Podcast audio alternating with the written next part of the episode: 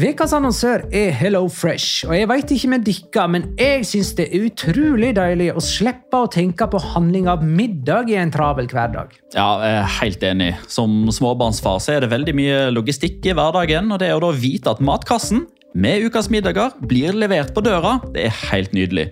Da slipper du impulskjøp på butikken når blodsukkeret er lavt, og når du kommer hjem, kan du bare ta ut posen med dagens ingredienser fra kjøleskapet og sette i gang matlaginga.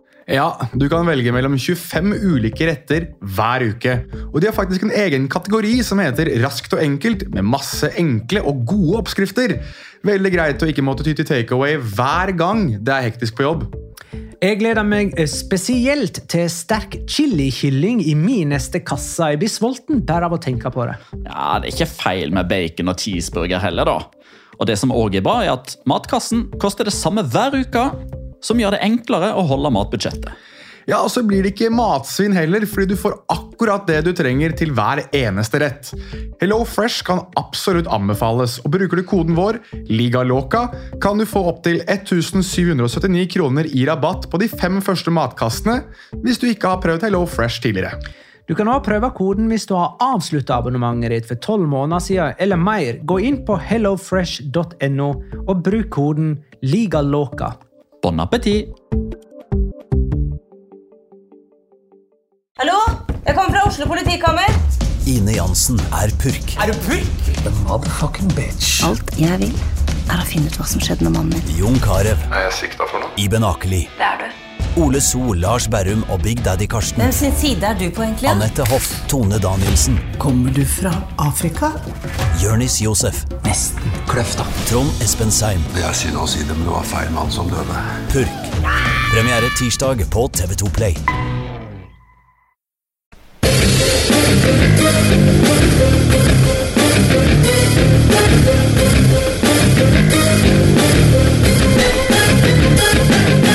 Har du sett? Når du har vært trener i to fulle sesonger og likevel vunnet tre Champions League-trofé. Når du har trent en storklubb til fem trofé i løpet av ett kalenderår. I din aller første trenerjobb på toppnivå. Hva gjør du da? Du hever glasset, lener deg tilbake med føttene høyt og tar livet med knusende ro, akkurat slik som Zinedine Zidane. La liga loca. En litt gærnere fotball. Hei. Klokka er nå eh, halv seks en eh, torsdags ettermiddag, og vi i La Liga Loca har en bonuspodkast for å snakke om generelt ting som eh, kommer til å skje neste sesong. Hvem som er kvalifisert eh, for eh, VM for klubblag fra Afrika og Asia. Og eh, vi må ta debatten Bør den gode gamle Intertoto-cupen tilbake? Nei da! Vi skal snakke bare om Zinedine Zidane, som har trukket seg som trener eh, for eh, Real Madrid. Jeg skal snakke om det. Magna Kvalvik er mitt navn. Og du, Jonas Giver, hei. Hallo. Og du, Petter Wæland, hei. Hei sann. Skal snakke om dette. Hvor hen er du, Petter? Heima. Heima.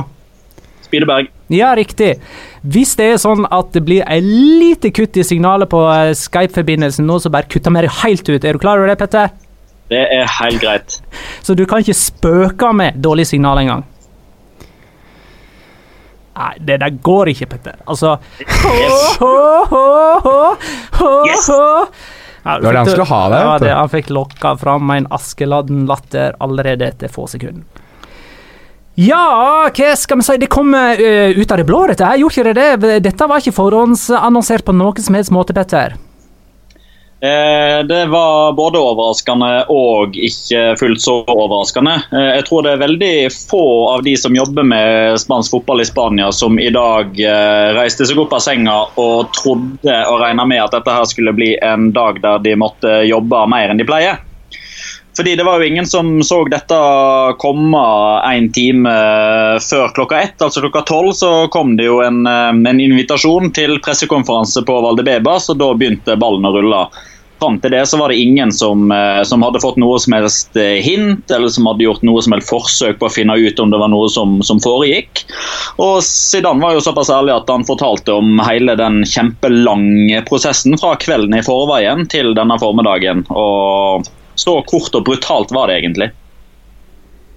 Ja, nei, jeg øh, skjønte fint lite, jeg, da, da denne pressekonferansen ble kalt inn klokken ett i dag. Jeg trodde jo Jeg snakket jo litt med, med Petter da dette kom, og da tenkte vi var vel så Vi var vel sånn at vi trodde at det kom, kom til å bekrefte at siden han hadde en kontrakt i 2020, slik man har visst, men som aldri har blitt annonsert utad. Da har det blitt rapportert om osv., osv., og at det kunne være det. Eh, eventuelt at det var andre ting som kunne ligge i gjerdet, at det kanskje var for å snakke om Bale, snakke om Ronaldo, et eller annet sånt hvis det, hvis det var noe annet. Men, men, at det var dette her, det, og at det var på Valdebebas, det syns jeg var um, uh, litt, litt, rart, da, egentlig. For Cristiano Ronaldo har jo annonsert at det skal komme en uttalelse, faktisk. Nett, nettopp, så det kunne jo være det at Perez og, og Zidane hadde lyst til å si noe før Ronaldo sa noe selv. Uh, jeg syns bare det var så rart at det kom Hadde det vært på, på Santiago Bernabeu, så hadde liksom Gran Sala altså det, virkelig det store sagnomsuste. At det, det, kanskje var en sånn ordentlig farvel for, for Zidane. Men, men, det kan jo faktisk tyde på da, at det er så spontant som, som de har latt uh, komme ut. da At Zidane rett og slett bare har sagt i går at jeg har ikke lyst noe mer, jeg orker ikke mer. Skal vi ta det formelle? Han øh, trekker seg, ikke sant? Ja, helt riktig. Ja. Har han sagt noe om grunnen til at han trekker seg? Ja, det, det, har han jo. Han har egentlig gitt flere forskjellige årsaker. Men de, de, to som vel framstår som viktigst, og som jeg stiller meg mest bak, det er jo eh, altså for det første at han, han kjenner sine egne og lagets jeg, både høyder og begrensninger bedre enn alle andre. Han ser disse på treningsfeltet hver eneste dag. Han vet eh, hvor eh, klubbens og spillernes potensial per 2018 ligger. Og jeg tror egentlig han har innsett at uh, dette treet kan ikke han få til å vokse nærmere himmelen. Han har kommet så langt som det er mulig å komme, og egentlig mye lenger enn hva han sjøl trodde var mulig. Tre Champions League-trofeer på to og en halv sesong, det, altså, det, er, jo, det er, jo, helt spinnvilt. Uh, og i motsetning til eksempelvis eh, Guardiola og Barcelona, så, så, så, gjorde jo de det på en litt annerledes måte. De satte en uh, en standard eh, for en måte å spille fotball på som eksempelvis eh, Zidane ikke har klart. Det er jo en prestasjon i seg selv at han har gjort det eh, ved hjelp av mange forskjellige taktikker og måter å, å vinne fotballkamper på. Det, det er jo en, en, styrke som Zidane har vist, at han er taktisk fleksibel. Men jeg tror at han rett og slett skjønner at hvis, hvis Real Madrid skal ha best mulig forutsetninger for å vinne Champions League og neste sesong, så må det komme inn nye ideer og nye tanker. Man kan ikke fortsette i den samme tralten, for til syvende og sist så går det ikke lenger.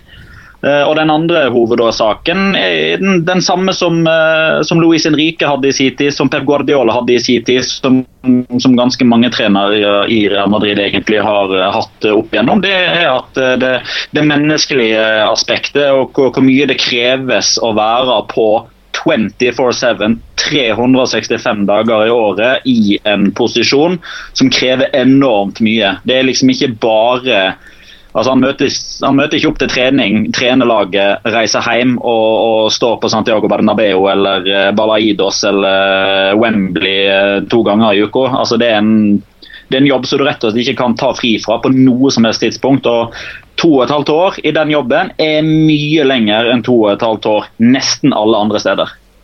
Betyr dette at han tenker seg et sabbatsår, eller? Ja, det er det han har sagt selv. At han ikke ser etter en ny Ja, har han sagt det? Ja, han det? at han ikke ser etter en ny jobb nå. At uh, Det er ikke sånn at han ønsker en ny jobb, men han ønsker å uh, la laget gå i en annen retning. Da, At han selv også nå ønsker en ny utfordring, var vel slik jeg forsto det. Men at den ikke kommer nå. Men at Først blir det litt, litt, opphold, og så Så nå flytter han til New York, og så signerer han for uh, Bayern München til jul? det kan godt være det.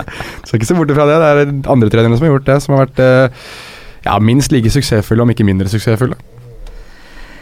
Jeg tenker vel den eneste den eneste mulige jobben han har som trener 1.9., den eneste som det er bitte litt mulighet for Jeg syns ikke det er sannsynlig, men det som man ikke liksom kan kategorisk bare avfeie, det er jobben som fransk eh, landslagssjef ja. hvis de, de hadde ikke lykkes i VM. Ja, riktig.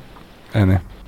Ja, for det var faktisk et spørsmål vi fikk eh, fra lyttere. Vi har jo fått eh, antagelig hundrevis av spørsmål og betraktninger. Millioner av spørsmål? Nei, eh, hundrevis. Okay, ja. om dette betyr slutten for Deschamps. Skal han endelig være ferdig for Frankrike, var det en som påpeka. Jeg husker ikke om det var Hvis de underpresterer, så?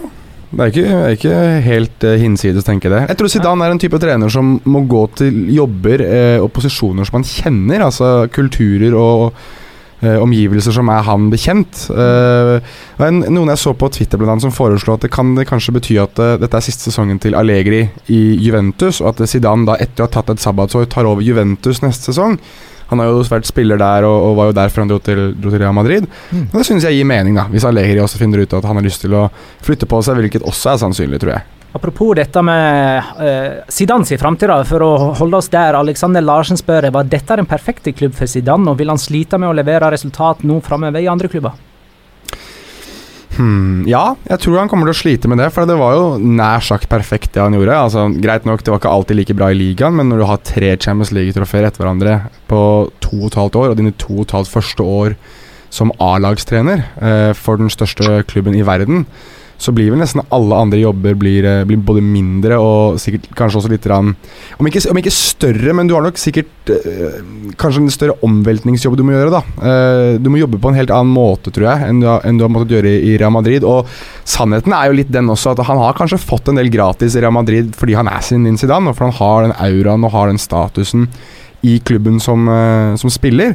Det har vel som i Juventus òg, antagelig. Ja, ikke sant. Det er derfor jeg mener at det, jeg tror det er enklere for han å gå til omgivelser og, og, kulturer som han kjenner, og der han har en status allerede. Hvis du plasserer han i Chelsea, da, for å si det sånn, som kanskje skal ha en ny trener snart, de òg, så tror jeg jeg er usikker på om, om han hadde hatt samme effekten. Litt sånn som jeg er usikker på at Diego Simione kunne forlatt Atletico Madrid og gått til Manchester City da, og gjort det like bra. Men det er vel eh, Nå har han jo bare denne ene trenerjobben å vise til, og det er det som mm, på en måte danner vårt inntrykk av han som trener, og det er vel omtrent som at uh, altså Det inntrykket vi har, er at uh, han er en trener som er perfekt for en, et lag med masse stjerner, som han kan på en måte ha skikk på.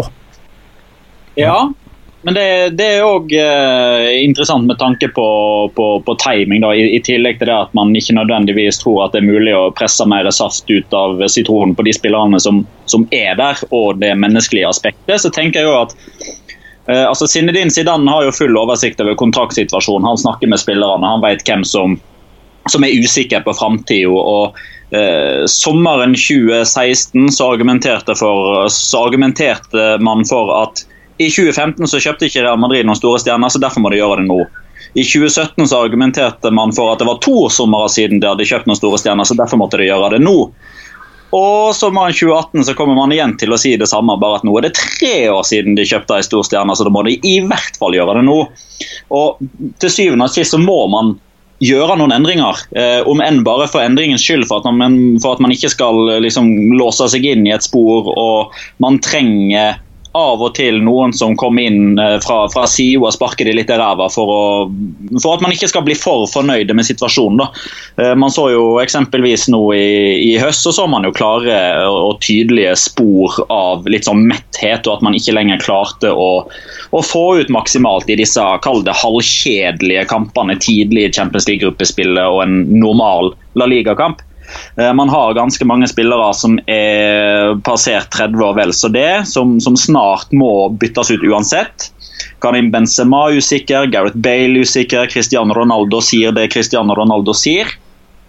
Og da tror jeg Zidane har med, eh, kanskje ikke som et, eh, som et hovedpunkt, men som, som, som, en del av ligninga, at nå i sommer så kommer det antageligvis inn to, kanskje tre spillere som han ikke har hatt noe med å gjøre direkte tidligere.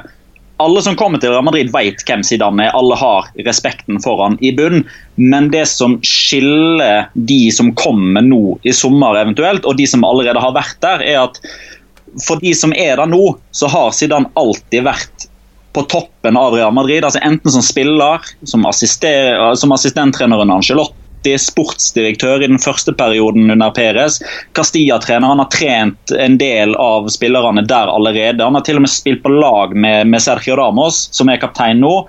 Og, og, Der har det vært utrolig lett å selge inn ideer og budskap. Kanskje tror Zidane at han ville hatt eh, om ikke problemer, men så ville han ikke hatt like lett for å selge inn budskapet til de som kom inn utenifra.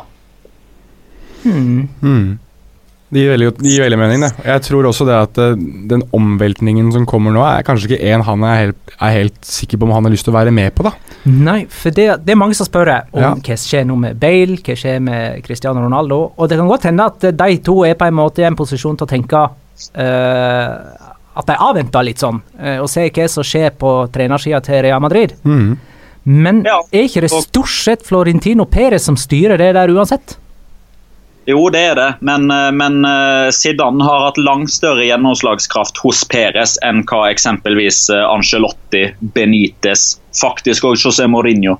Eh, De har liksom ikke vært i nærheten av å ha hatt den pondusen. Eh, Zidane har han har den standingen hos Florentino Perez at hvis de to snakker sammen, og Zidane eh, går han imot, så er ikke det nødvendigvis eh, ensbetydende med at Perez bare lar ting ligge, men det er mye større sjanse for at han hører på Zidane. Se eksempelvis på den keepersituasjonen i januar. Eh, José Ángel Sánchez, som er den som fungerer som sportsdirektør, og Florentino Perez hadde mange møter med Kepa. Han besto en medisinsk test, de var enige om personlige betingelser. De hadde gjort klar alt for å gjennomføre transaksjonen ved å, eh, ved å trigge utkjøpsklausulen på Kepa Aritabalaga. Og så sier Zinedine Zidane på en pressekonferanse at han ikke trenger keeper midt i sesong, og da skjer det ikke. Det kunne ikke Ancelotti, altså tror jeg ikke hadde turt å gjøre det. Fordi han hadde skjønt at da hadde han enten blitt latterliggjort av media hvis Perez hadde henta han, eller så hadde forholdet mellom Perez og Ancelotti surna. Men det skjer ikke med Zidane pga. at han har den standingen han har. The Donkey skriver Sisu forlater Real Madrid som den eneste under Perez som ikke har fått fyken. Er det noen som vil protestere på den påstanden? Jeg kommer ikke på noen som har reist frivillig under Florentino Perez. Godt spørsmål. Uh, ikke vandre i Luxembourg, i hvert fall. Del, Del Bosque, Luxembourg og Schuster, eh, Ramos var vel inne i Calderón-perioden her òg, men eh, Capello, Mourinho, Pellegrino, nei, Pellegrini, Benitez, Ancelotti ja, Det er den førstemann, tror jeg. Ja, han er første Jeg tror vi lar Donkey sin påstand stå for god fisk. Eh, Eller Taken in for god fisk, heter det kanskje. Ja. Eh, men eh, fortsettelse her. Eh, hvilket kaliber skal den neste treneren være av for å nå opp til hans nivå? Og antallet meldinger fra spillere på sosiale medier til Sisu viser bare hvor høyt verdsatt han var i garderoben. Legende. Ja, så du, eh, så du Cristiano Ronaldo sin melding? Nei, den har ikke jeg sett. Nei, ikke, jeg tror det var en planlagt tweet. Man hadde noe sånn Mens alle andre tvitret om at eh, ah, 'takk for alt, Sisu' og sånn, og så hadde Ronaldo la ut noe sånn 'Are you donating blood and plasma regularly?' Ja, ja. Guess who could be next, uh, next time, og så videre. Det var uh, litt moro at de, akkurat idet alle andre skulle, skulle hylle sin tidligere trener, så Jeg har hatt Zidane ganske eh, dårlig timing på sånne me me meldinger før. Jeg husker eh, to måneder etter at han var, hadde reist til Real Madrid fra Manchester United, og United drev og tapte sånn skikkelig en kamp. Uh, Ja. Der all, det var sånn sjokkerende tap på Old Trafford, og han uh, tvitra om Har du prøvd mitt nye puslespill? Sånn, eh, ja. det var et eller annet puslespill han drev og solgte som uh, merkeværegreie. Eh, men uh, vi husker jo da Carlo Ancelotti fikk sparken. Det var 'thank you, mister' fra spillere på, på Twitter. Det Ja, var ja. en stor uh, omfavnelse av Angelotti. Ancelotti. Og så kom Benitez inn. Det var ikke møtt med noen 'velkommen, mister'-tweets, og det ble heller ikke møtt med noen 'takk for alt'-tweets da han fikk sparken hva, fem måneder seinere. Mhm. Hvor viktig er det at eh, spillerne får en trener de ønsker her? Det tror jeg vel Benitez-perioden er vel det beste beviset eller eksempelet på at det, at det er veldig viktig. Eh, altså, For å være veldig svart-hvitt og, og litt småstygg, da. Altså, det, det er en gjeng med bortskjemte folk som sitter i den Real Madrid-garderoben. Det, det tror jeg ikke noen tar seg nær av. fordi så, Sånn må det liksom være. Du kommer ikke til toppen med mindre du setter krav til omgivelsene rundt deg. og da da er treneren en enormt viktig ressurs. Det er han som til syvende og sist skal forme deg som fotballspiller og være med på å bestemme hvor mange kamper du spiller og hvor viktige roller du har i laget, eh, som igjen bestemmer markedsverdi og sånne type ting. da. Så det er liksom ikke noe som helst tvil om at eh, den den oppgaven som Perez har nå, den er utrolig viktig. Mhm. Fordi dette, altså dette kommer liksom på topp toppen av spekulasjonene man har rundt Cristiano Ronaldo, rundt Gareth Bale, spørsmål om man skal inn i en fornyelsesperiode. Eh, man har gjort det bedre i Champions League enn hva noe annet lag har gjort siden Bayern München i 1974 til 1976. Så uansett hvem som kommer inn nå, så vil man jo hoppe etter Wirkola. Både med tanke på det han har prestert som trener. altså Han har vunnet ni trofeer i løpet av to og et halvt år. Han tok den første dobbelen til Real Madrid med, med serie og cup på, på, veldig mange år. Og bedre enn hva Zidane har gjort i Champions League, er det rett og slett ikke mulig å gjøre det. Og I tillegg, som du nevner, Magna, så er det her ei hel spillergruppe som, som står bak ham, som, som er fryktelig lei seg over at uh, dette skjer, og som, som, kanskje nå gjør at de Jeg tror ingen av de tar noen dramatiske valg eller plutselig nå bestemmer seg for noe helt annet. men de tenker seg kanskje om to ganger nå med, med hva blir min nye posisjon uh, i, i, laget. Eh, hva skjer hvis han kommer inn? Hva skjer hvis han kommer inn? Eh, hvis Pochettino kommer inn, så passer det kanskje perfekt for meg. Hvis Wenger kommer inn, så, så er jeg ferdig, for jeg spiller en posisjon som han aldri har sett verdien av. Så det en enorm oppgave han skal ha, og han må treffe riktig. Skal vi spekulere litt, da? Morten Kleivane skriver endelig skal Mitchell få en skikkelig jobb. Petter Ludvigsen skriver hvem står på sidelinja når Tottenham spiller sin første kamp på nye White Hart Lane? Oi, det er et godt, uh, godt spørsmål. Uh, det, er jo, det ryktes da om at det har vært en slags form for PSG slash Real Madrid-klausul i den nye kontrakten som uh, Mauricio Pochettino signerte tidligere denne uka her. Ja, for han har nettopp signert ny kontrakt med ny kontrakt. Tottenham. Ja, fram til 2023 tre, eller noe sånt. Nå. Har vært i alle fall forlenga. Ja, det var en lengre kontrakt. Uh, men det, det ryktes i hvert fall i spansk presse at det eksisterer en klausul der. Uh, jeg tror at engelsk presse har sagt at det ikke gjør det, så her er det jo da sånn typisk uh, agenda fra og til. Ja. Ja, bare, bare, for å ta det veldig kjapt. altså Spansk presse har alt å tjene på å skrive at det er en sånn klausul, for da kan de på mange måter eh, legitimere sine artikler, samtidig som altså Engelske medier får jo antageligvis sin informasjon fra Tottenham. De har jo alt å tape på at det eventuelt skulle komme ut om det fantes en sånn kontrakt, så det er jo ikke overraskende fra noen av sidene, egentlig. Nei, nei, for all del. Uh, så jeg, jeg, tror at uh, det, Marca har i hvert fall gått veldig hardt ut nå og sagt at uh, Pochettino er el elegido, som betyr den utvalgte. Så det kan jo være at det er han de først går for. Men jeg synes det er interessant dette aspektet med, med Guti. Som uh, Han har jo vært ungdomstrener i, i Real Madrid siden 2013.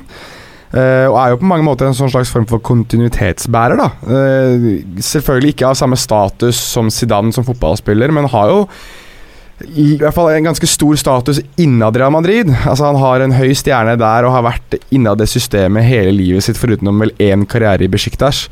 Så jeg tror, uh, hvis de skal fortsette litt i samme banen som de har gjort under Zidane, så ville det vært interessant å gi han en mulighet. Men igjen, da, det er et sjansespill. Og de traff veldig veldig bra med, med Zidane, men kommer de til å gjøre det en gang til, eller må de gå for en, en trener som har uh, en lengre track record? da Men det blir jo litt det å, å, å holde på å si rive opp manuskriptet og starte på nytt igjen. Og vil de det? Um, så det er, de er litt sånn rock in a hard place for, uh, for Real Madrid. Reid, eller Reed, spør jeg. Veit noen av oss om Gutis Guti sine trenings, uh, trenerferdigheter. Veldig lite. Ja. Veldig lite. Ikke sant? Vi veit vel egentlig ikke. Men gjorde uh, det om Zidane? Men, men nei, det, poenget mitt eh, Ja, vær så god, Petter. Ja, bare tilbake til Pochettino. Jeg var på Santiago Bernabeu i oktober, var det vel, når Real Madrid spilte mot Tottenham. Om det ikke var november. Uansett. Høsten som var nå i 2017. Og Det som var veldig interessant der, at når Tottenham sin lagoppstilling ble annonsert av Spiker før kamp, typ to-tre minutter før avspark, fullsatt. Så var det den vanlige buinga av pipekonserten, på samtlige elleve som starta. Samtlige sju som var på benken. Jubel når Maurizio Pochettino sitt navn ble, ble lest opp. Og det, det, er liksom interessant med tanke på, på den standingen som Pochettino eventuelt vil ha. Og det vil jo òg gjøre det si, lettere for Peres å trøkke til i kampen for å få Pochettino. fordi Da vet han at da lander han på beina med tanke på å, å treffe riktig for å få fansen med fra første stund. Eh, årsaken eh, til, til, at Real Madrid-fansen er så begeistra for, eh, for, Pochettino, det er jo først og fremst at han har både spiller- og trenererfaring fra Español og har uttalt seg i veldig negative, krasse ordelag mot Barcelona. Sagt at han aldri kunne ha tenkt seg å trent de. Så man er på samme side liksom fra, fra, starten av. og i tillegg så var altså Pochettino det er jo ikke første gangen han er nevnt i forbindelse med, med Real Madrid. Han ble jo nevnt som, eh, som, mulig avtaker for Angelotti, men man konkluderte med at det var litt for tidlig. Og det var såpass tidlig i Tottenham-perioden at han på det tidspunktet ikke følte at det var riktig å forlate de, og han følte òg at den sjansen om å bli Real Madrid-trener den ville komme igjen på et senere tidspunkt. Så fikk Benitez fyken. Uh, da var det midt i sesong. Da hadde man muligheten til å få inn Zidane, og da var liksom det det eneste riktige. For da måtte man få inn en som trente huet til spillerne, og ikke nødvendigvis bare beina. Men nå er liksom situasjonen litt annerledes. Og det at Pochettino har uh, kontrakt og har nettopp signert ny kontrakt, det gjør ting vanskelig, men det gjør det ikke umulig. Uh, på samme måte som at Coutinho signerte ny kontrakt for Liverpool, og noen måneder etterpå så blir han kjøpt av Barcelona. Eh, det, det, gjør bare at Tottenham sitter med litt bedre kort i eventuelle forhandlinger. Audun Nilsen lurer på hva er den perfekte erstatteren. Skal vi prøve å lande på tre eh, som vi mener er både mulig, oppnåelig og gode kandidater? Tre kandidater? Uh, ja. Mulig, oppnåelig og gode. Jeg tror alle er oppnåelige. For, For eksempel, er Arsen Wenger en god kandidat? Han nei, blir nevnt. Nei. jeg Så han, han, er ikke på topp tre? Nei. Det det spørs om man tenker på lang eller kort sikt. På, på lang eller kort sikt. Uh, altså nå, nå, har det jo knapt vært noe annet som har stått i huet på meg de siste fem-seks timene, uh, enn å liksom gå gjennom mulige kandidater og prøve å få innspill på Twitter og få synspunkter fra andre. Altså, Hvis Arsen Wenger blir Real Madrid-trener, så tror jeg i så tilfelle at den eneste måten det kan skje på, er at man føler at det er umulig, vanskelig å få tak i Pochettino nå, men man begynner å legge grunnlaget for å hente han om et år. Eh, da trenger man kanskje en, eh, en, rutinert type som kan komme inn og sørge for å holde ro i rekkene, som har rutinen, som har erfaringen, som har vært med i gamet i lang tid, bare for å sørge for at den overgangsperioden ikke blir noe sjansespill. Sånn som eksempelvis Goti eh, eller, eller Sarri, som plutselig blir nevnt som, eh, som, kandidat av noen medier fordi han har vært god med Napoli i én sesong. Wenger kan jo mer jeg tenker over det, han kan være en form for nødløsning i et år. Men at Arsen Wenger blir banka inn med tre-fireårskontrakt, det tror jeg i veldig liten grad kan skje. Jeg ser ikke hvorfor Arsen Wenger skal ville ta en korttidsjobb nå uansett. Jeg vil jo mene det at eh, For en sånn stoppgap-signering for én sesong, så vil jeg jo heller tro at Guti er, er smartere. Altså, eh, hvis, hvis, planen er å bare ha en trener i et år Jeg kan ikke se for meg at eh, en trener som Wenger, da, når han først går fra Arsenal, så skal han være en sånn derre eh, si, som, som, lapper over mellom Pochettino og, og Zidane. Jeg synes det virker litt, nesten litt sånn respektløst mot Wenger, jeg, da. Men eh, Hva slags legacy har Arsen Wenger anno 2018, Jonas? Ja, fortsatt Arsen Wenger, da. Jo, men hva slags ettermæle har han? I hvilken grad tenker du da hva han gjorde for noe i England eh, på 90-tallet og 2000-tallet? Om fem år, ja. når man tenker på Arsen Wenger, hva tenker man da? Jeg tenker vel fortsatt på Arsen Wenger som en av de absolutt største trenerne i engelsk klubbhistorie. Hva tenkte man om Benitez da han ble ja, Men, men, men, men, men hvordan, hvordan, var det altså Man husker alltid det siste først. Hvordan var avslutninga til Arsen Wenger i Arsenal? Dette kan være muligheten. Nå ser jeg uh, dette her utelukkende fra ett perspektiv for å prøve å få jeg, svar på påstanden som du kommer med. Men altså, hvis Arsen Wenger etter de avslutningssesongene i Arsenal får muligheten til å trene Real Madrid, om så bare i ett år, så tror jeg han tar den med begge armene. Ja, jeg, jeg, jeg sier at han ikke gjør det, det sier jeg jo ikke. Han hadde helt sikkert gjort det, ja, men jeg kan ikke se for meg hvorfor, hvorfor Real Madrid skal ville gjøre det. Og si at han vinner, da. La oss si at han vinner La Liga, da, og så vinner han kanskje Copa del Rey. La oss bare hypotetisk si at han vinner eh, El Doblet, og så, og så hva, hva skjer da? Da skjer det samme som skjedde eksempelvis med Manuel Pellegrini. Han signerte en ettårskontrakt, så ble Mourinho ledig. Da slapp man alt man hadde, for nå var tidspunktet okay, henta. Vi sklir ut i uh, hypotetiske uh, Arsen Wenger-teorier. Vi skulle ha tre toppkandidater ja. til uh, jobben. Ja, jeg sier uh, Pochettino, uh, Guti og Antonio Conte. Jeg tar de to førstnevnte og Wenger som en mulig nødløsning for å få på plass Pochettino. Hmm. Ja, men sånne ting kan jeg like. Dette var kort og konsist. Uh, dine, dine da? Uh, nei, uh, det er bra nok med dikkas. Magnus Oi lurer på hva er den prosentvise sjansen for at arvtakeren til Zinedine Zidane har mer hår på hodet og leverer færre titler? Svaret må ganges med pi. Med pi? Det må ganges med pi? Ja, så hvis du kommer til 100 og, og ganger med pi, så blir det 314. 314 da. Ja, skal ja. jeg sier det. 314, ja, ok. 312. Hæ? 312. 312? Ja, ok, ja, han, han vil ha litt mindre enn 100 99,5 da. Mm.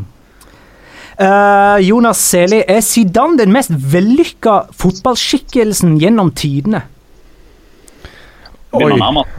Ja han seg, Men han er veldig ung hvis han gir seg som trener uh, nå, og, og, det kan ikke han. Kan, Så, vi, uh, sabbat, kan jeg bare, bare spørre, definerer vi det ut ifra trofeer eller ut ifra påvirkning av fotball?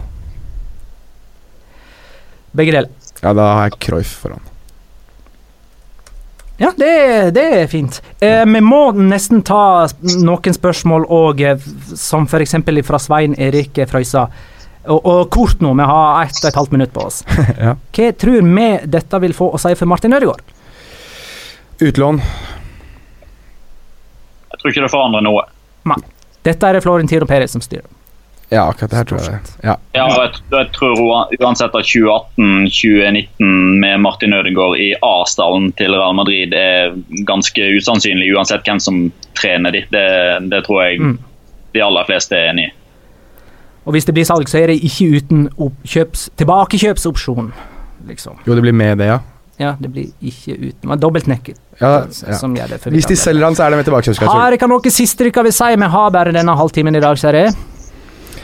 Nei, vi har fått uh, dekket det aller meste, tror jeg. At det er, uh, jeg synes det er veldig synd, da, egentlig, at uh, Zidane gir seg etter å ha hatt en så suksessfull to og et halvt års periode i Real Madrid. Det er, en, det er, trist for Real Madrid, trist for Real Madrid-supporterne. Og det blir veldig veldig spennende å se. Dette kommer til å bli en ekstremt viktig sommer nå plutselig for Real Madrid, både på overgangsmarkedet og i form av hvem de velger til å overta trenerjobben. Så vi ser da om det kommer en slags uh, omveltning på toppen av både europeisk og spansk fotball de neste par årene. Så er det jo synd at man mista en såpass stor profil i på en måte den helt riktige klubben å ha den store profilen i. Helt riktig. Det har på en måte gitt det litt ekstra gnist. Vi får håpe det kommer en stor, ny profil. Petter? Nei, jeg signerer under på det som har uh, blitt sagt nå. Og så kupper jeg 20 sekunder på å komme med tre nyheter. Leo Franco skal trene Oesta i den første sesongen deres. Rayo Vallecano har rykka opp. Eduardo Berizzo har blitt uh, offisielt klar som trener for Atletic. Herlig. Og så vil jeg bare tilføye at det er ganske spansk tradisjon å ansette unge trenere fra reservelag og den slags. Ikke bare i uh, middels eller små klubber, men òg i Barcelona, som hadde Guardiola, og uh, Real Madrid som gjorde det med Zidane. Så de største klubbene lar òg gamle spillere debutere som trenere på det aller høyeste nivået, bare sånn at det er sagt. Apropos god tid. Mm -hmm. Ikke glem da, folkens, at vi har en sesongoppsummering liggende ute. Den summerer jo opp hele sesongen. Det er 90 deilige minutter. Og så rett etter at VM har kommet i gang, så er vi på pletten igjen med nye podkaster. Uh, vi hadde jo egentlig et par uker fri, vi måtte hoppe inn i studio nå uh, etter denne her uh, wow-nyheten. men tusen takk for at du lytta og sendte spørsmål, kjære lytter. Ha det bra.